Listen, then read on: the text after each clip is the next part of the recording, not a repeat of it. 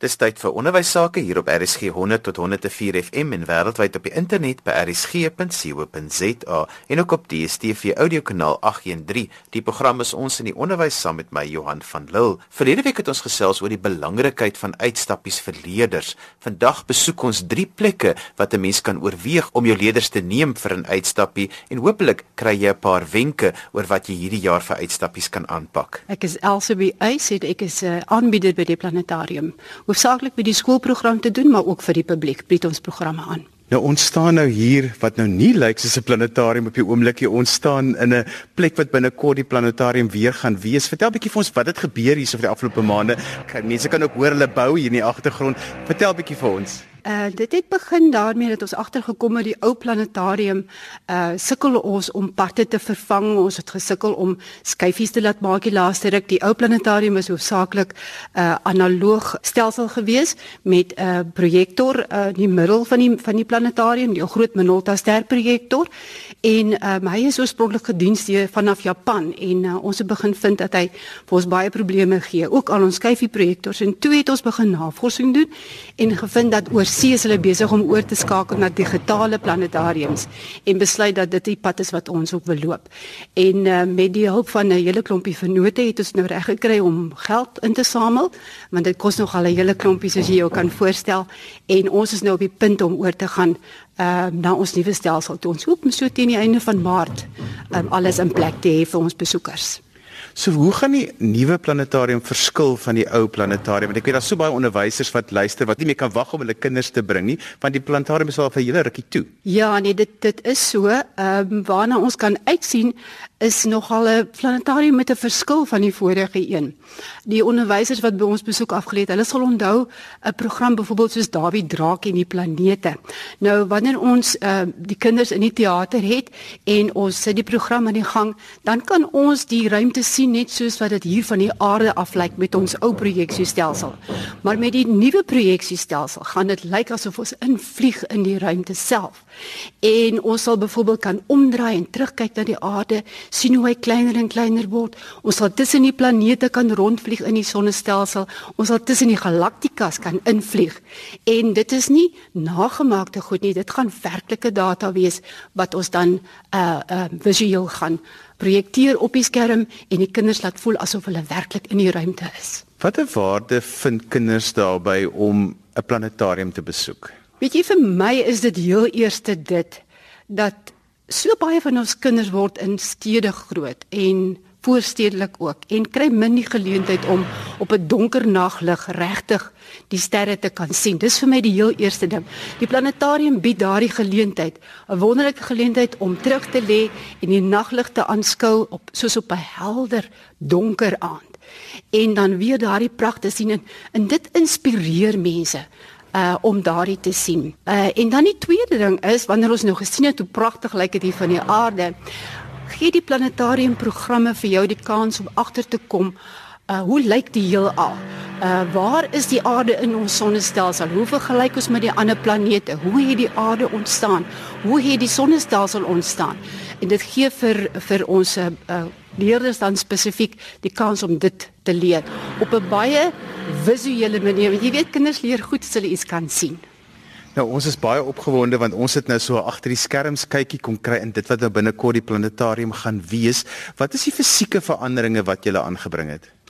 Goed, uh soos ek genoem het, het ons die ou projektor het ons nou uh in watte toegedraai en weggesit. Ons hoop om dit 'n uitstal uh objek te maak in die toekoms, maar die nuwe stelsel bestaan eintlik uit twee uh rekenaarstelsels wat dan ses uh projektors uh voer sal ek maar sê. Ehm um, hierdie ses projektors sal dan teen die koepel skyn. Hulle gaan 'n soemlose beeld gee.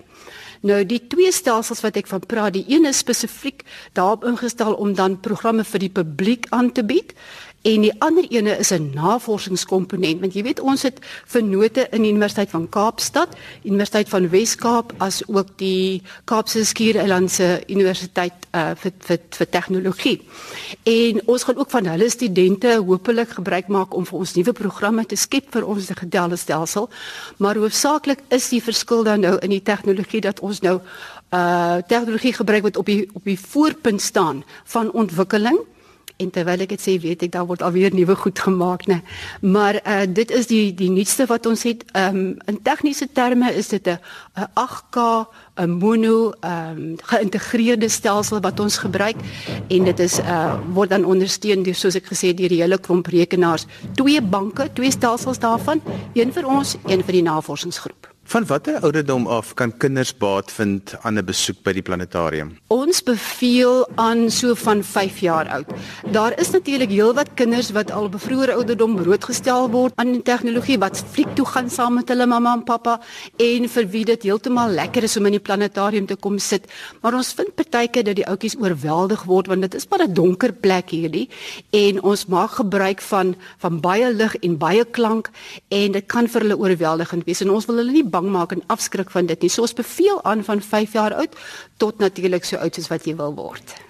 As onderwysers hulle kinders wil bring na die planetarium, toe hoe berei jy jou kinders voor sodat hulle die die beste ervaring hier kan kry en met soveel as moontlik kennis hier kan uitstap? Ehm um, wat dit betref Uh, gaan ons met ons nuwe programme wat ons aankoop van oorsee en wat ons gaan self vervaardig en van ons ou programme wat ons digitaal gaan oorsit gaan ons van die inligting beskikbaar maak uh op ons webwerf voor die tyd en ons gaan ook aanbevelings daarop doen vir die onderwysers watter inligting hulle alreeds vir hulle kinders moet aan blootstel en ook hoe om hulle uh voor te berei vir die uh wat vir wat hulle fisies hier gaan aantref. Ehm um, en dan hoop ons ook om vir hulle uh heel wat uh, materiaal te gee om agterna dit wat hulle dan nou hier ervaar het en van gehoor het om dit weer uh te hersien in in finaal dan nou vas te vang. Net so ter afsluiting, wat is die verskillende inhoude wat jy gaan en op watter grade is dit gerig? Uh ons kan voorskool uh kan ons uh programme aanbied. Ek dink byvoorbeeld nou aan die nuwe nuwe program wat ons het, sy naam is Tilt en dit gee vir die selfs vir die ou kleintjies 'n idee van die seisoene, van hoe die aarde dan nou skuins lê en hoe dit die seisoene veroorsaak. En uh, dan gaan ons vir uh, die uh, dit is dan nou die foundation phase wat ons ook uh, programme voor het. Ek dink spesifiek aan Dawie draak en die planete wat baie gewild was vir vir daardie grade so op tot by graad 4 en dit gaan ons digitaal omsit dit ook. Ek het al spesifiek 'n versoek gehad van 'n onderwyseres wat baie seker was dat dit is die een wat sy vir haar kinders wil kom wys. En dan het ons vir die vir die ouer groep byvoorbeeld 'n uh, program wat die Bloemfontein se planetarium nou in Afrikaans vertaal het. Uh From Earth to the Universe uh, is nou in Afrikaans beskikbaar. Ons gaan dit ook hier hê by ons. Bloemfontein is natuurlik ook al digitaal.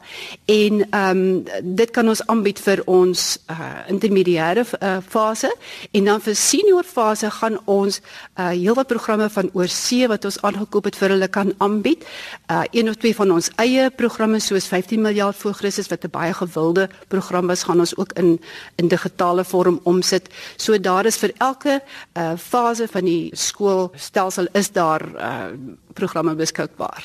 Jy sê die planetarium maak as jy by Maartmaand se kant oop, ehm um, waar kan mense meer inligting kry as hulle sou graag wou bespreek?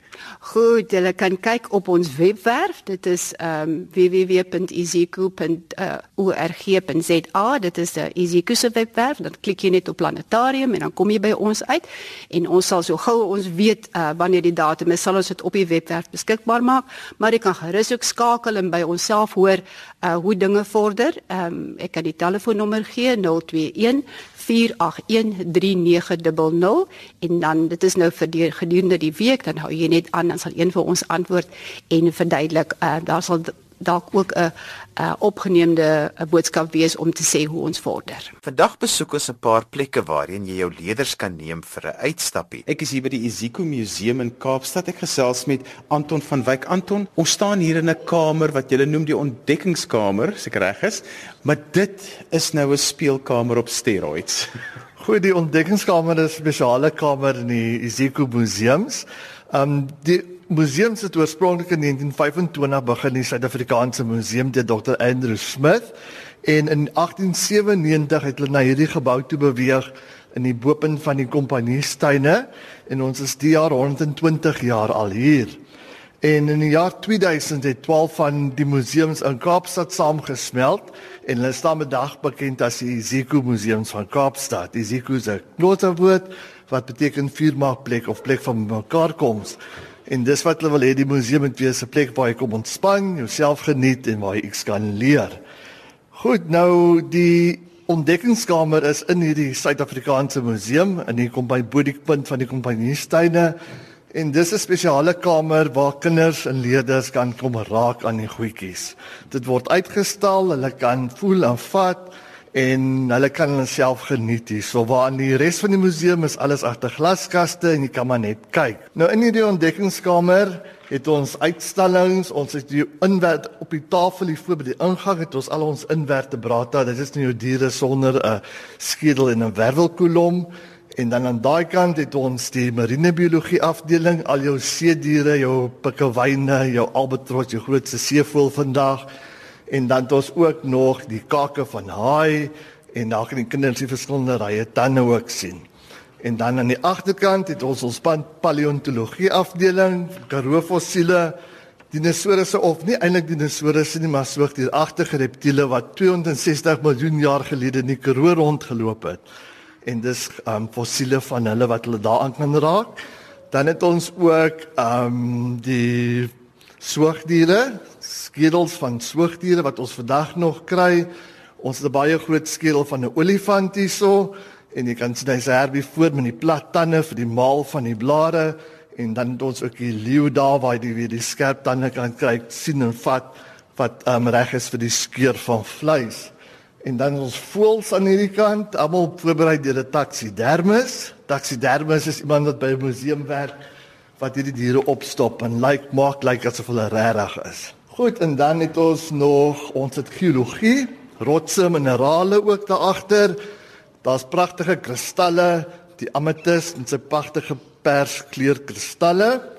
En aan die linkerkant van die ontdekkingskamer het ons 'n ou entomologie kantoor. En dit is hoe die ou kantore in die ou dae gelyk het. Geen rekenaars nie, geen selfone nie, net nog ou uitstallings. Anton, wat is die doel van die ontdekkingskamer? OK, dit is om die leerder om hom bewus te maak daarvan dat hy kan raak aan X, hy kan vir homself uitdink, hoe voel dit? Is dit hard? Is dit sag? As dan 'n soogdier se vel kyk, hulle kan vorentoe vryf en agtertoe vryf en voel hoe dit voel. En veral wat interessant is, is die haai se vel.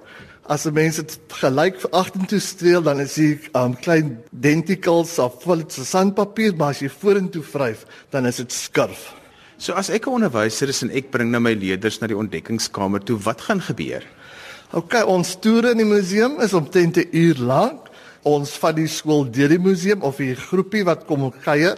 Ons gaan vir 'n toer deur die museum. Ons gaan na die uitstallings toe, die soogdiere, die walvisgalery, die rotse minerale en daar kan hulle kyk na die goed. Alles is agter glaskaste. Maar in hierdie kamer wat ons aan die laaste 15 minute inspandeer, kan hulle raak aan die goed. En hoe ondersteun julle die leerders en hoe skakel dit met die kurrikulum?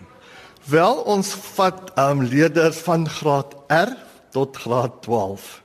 En ons het vir die graad ehm um, 10 tot 12 het ons evolusie werkswinkels ook waar ons in ons 'n uh, groot ehm um, wetens die wetenskaplikes waar hulle lesse gee oor evolusie en kontinentale verskywing en al daai um, onderwerpe wat hulle dek in daai kurrikulum, maar vir die kleintjies dinosaurs, walvisse, soogdiere. Hoekom is dit belangrik vir 'n onderwyser om byvoorbeeld hulle kinders na iets so 'n ontdekkingskamer toe te bring? Kyk, dis iets anders. Dis heeltemal anders. Kinders is gewoond aan om in 'n klaskamer te sit, die juffrou staan voor, sy praat, sy beduie, maar in hierdie kamer is hulle vry om te loop. Hulle ons gee lesie, hulle luister en dan laat ons hulle loop en ontdek wat hulle wil ontdek. Ek is Letitia Swanepoel. Ek werk in Isiko Museums van Suid-Afrika en ek werk vir die Wes-Kaapse Onderwysdepartement as bewaringsopvoedkundige. Nou, ek werk hoofsaaklik in die slaweloosie en dit is die plek waar slawe werklik gewoon het, opgerig al in 1679. Ek werk ook by die kasteel en dan Koopmans de Wethuis en dan ook by die maritieme sentrum in die waterfront. Dit is alles deel van Isiko Museums van Suid-Afrika. As onderwysersleerders hiernatoe wil bring, moet hulle onthou dat dit wat hulle hier gaan beleef, moet 'n verbintenis hê met die kurrikulum. En is by die slawelose self is dit moeilik uh, vir die grondslagfase. Daar's nie werklik iets wat hulle hier gaan interesseer of wat ooreenstem met hulle kurrikulum nie. Maar veral vir graad 5 en graad 7 is dit nogal vir my belangrik dat leerders hierdie draai moet kon maak. As ons dink aan graad 7 of graad 5 eers, uh, antieke Egipte. Dit is deel van hulle sosiale wetenskappe geskiedenis leer uh, of kurrikulum en ons het 'n wonderlike waardevolle uitstalling hier wat handel oor antieke Egipte. So die leerders gaan hier werklik objekte, artefakte sien wat uit uh, Egipte kom. Uh Ek weet 'n paar jaar gelede was hier 'n wonderlike uitstalling by um Grand West gewees oor uh artefakte van Tutankhamun. Maar ons moet net onthou, dit is replikas wat daar uitgestal was. Alhoewel dit gemaak is van byvoorbeeld goud as die oorspronklike item van goud gemaak was, bly dit replikas. Maar so hier kan hulle werklik grafgoedere sien. Uh daardie voorwerpe wat saam met die farao's begrawe is. Ehm um, dan vir graad 7 is is dit ook vir my belangrik dat hulle kom want slawerny val in hulle kurrikulum. So hulle kan hier kom leer van die plek waar slawe gewoon het. Uh, intussen is die slaweloosheid al verander uh, met die uh, koms van die Britte veral in 1806 of direk daarna is die gebou verander. Maar vanaf 1679 het hier slawe gewoon. So hulle kan werklik leer van slawe hier. Ons sê vir hulle waarvoor sekere dele gebruik was. Ehm um, ensovoorts graad 10s doen ook slawerny en hulle doen natuurlik die erfenis taak. So ons het skole wat 'n oggend bespreek hier en hulle bring hulle erfenis take saam en hulle werk hierso van sê net maar 9uur tot 1uur. Uh, ons kan daarvan hulp wees. Uh, ons kan vir hulle 'n uh, inleiding gee uh, ten opsigte van slawerny. Of soms doen die onderwysers dit selfs by die skool. En dan bied ons nou jaarliks aan die einde van die eerste kwartaal bied ons vir onderwysers 'n werkswinkel aan um, om vir hulle te verduidelik wat maak jy met leerders in graad 10 geskiedenis en hoe moet hulle die uh, erfenisstaak aanpak. Uh, ons gebruik daar 'n uh, onderwyser wat jarelange ondervinding het en hy kom stel ook van sy leerders se werk tentoon. Hierdie jaar byvoorbeeld gaan hy van die leerders saambring, leerders wat verlede jaar hulle take gedoen het en hulle gaan self praat daaroor. So dit is nogal 'n geleentheid wat ek dink um, graad 10 onderwysers as hulle veral nuut is in die vakgebied, ehm um, behoort hulle dit nie te mis nie. Vertel bietjie vir ons, hoekom is dit nodig dat leerders iets soos 'n slaweloosie sal besoek as dit in hulle kurrikulum is? Wat wat verskil maak dit vir hulle? Ehm um, wel om te lees daarvan uh, woorde op papier ehm um, is wonderlik, maar natuurlik het dit baie meer betekenis as jy werklik die plek besoek en jy staan op 'n plek en jy dink ehm um, byvoorbeeld hier in ons binnehof en jy kyk af in die put en jy besef hier moes hulle water uitskep want hulle het nie krane hier binne gehad nie. Hier moes hulle leef. Uh nou wys ons vir hulle 'n spesifieke ruimte waar vrouens en kinders byvoorbeeld geslaap het. Um hier moes hulle slaap sonder behoorlike beddens en beddegoed. So ek dink dit maak 'n baie groter indruk as wanneer jy net sou lees slawe het in die slaweloosie gebly. Wat is die spesifieke uitdaging van 'n opvoedkundige wat by soos hierso werk as jy die kinders eintlik net vir sulke kort tydjies kry? Ehm um, weet jy die leerders is nie 'n probleem nie, want uh, hulle weet gewoonlik waar waarom hulle hiernatoe kom. Ehm um, en jy moet net besef jy het 'n uur of jy het 'n uur en 'n half. So nou moet jy jou bes gee of jy nou sleg voel of jy nou nie sleg voel nie. Jy moet hierdie uur en uur en 'n half benut. Ehm um, en ek hoop ons kry dit reg. Um, om by hulle die atmosfeer van die plek te skep want ek dink dit is nogal belangrik die, die skep van atmosfeer so jy moet jou inligting, jou feite, jy moet dit ken. Jy kan nie hier kom staan en struikel oor feite nie. En ek sê altyd vir nuwe mense wat inkom, ehm um, dit moet persone wees wat hulle 'n uh, bietjie ondervinding het van werk met kinders. Jy kan nie hier kom staan en bang wees vir leerders nie. Uh dit moet jy baie vinnig op sy skuwe. Jy moet weet wat jy wil sê, jy moet jou feite ken. Kom ons begin by 'n skool wat 'n bespreking maak en besluit hulle gaan nou kom. Wat is die faktore wat maak dat dit 'n suksesvolle uitstappie sal wees? En wat is die rol en verantwoordelikhede van die opvoeder of die onderwyser wat die kinders bring?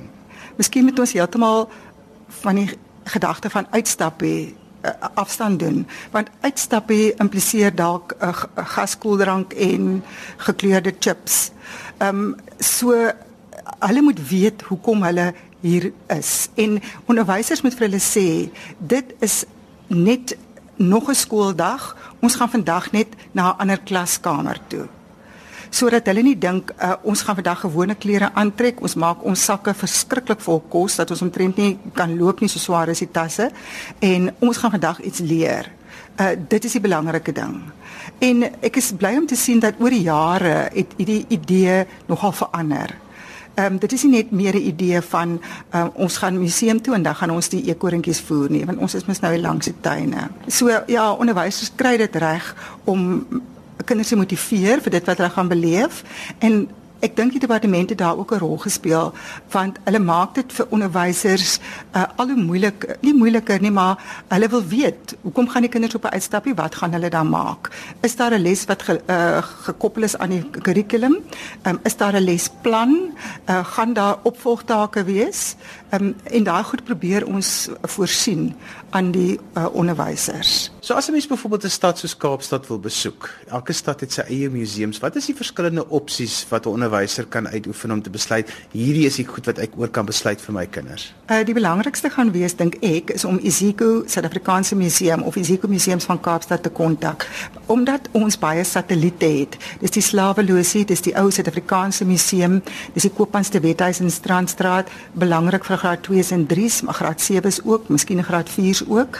En dan kan ons hulle kasteel toe neem.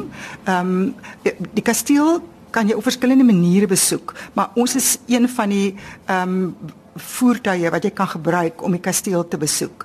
En dan is daar natuurlik die maritieme sentrum in die waterfront. Ehm um, belangrik vir vervoer vir graad 4s, vir graad 2s ook. Ehm um, Ja, en oomblik as jy in die waterfront is, hoef jy eintlik nie eers daar uit te gaan nie, want dan kan jy dit kombineer met 'n besoek aan die akwarium, ehm um, of jy kan gaan na die Chavon battery. So daar's al daai moontlikhede. So jy hoef nie net in te kom stad toe en net een plek te kom besoek nie. Dis en alwaar vir ons tyd het vandag. Ons het vandag 'n paar wenke gegee waarin jy jou leerders kan neem vir uitstappies. Onthou jy kan weer na die program luister as 'n pot gooi. Laat dit af by rsg.co.za. daarmee groet ek dan vir vandag. Tot volgende Sondag van my Johan van Lille. Totsiens.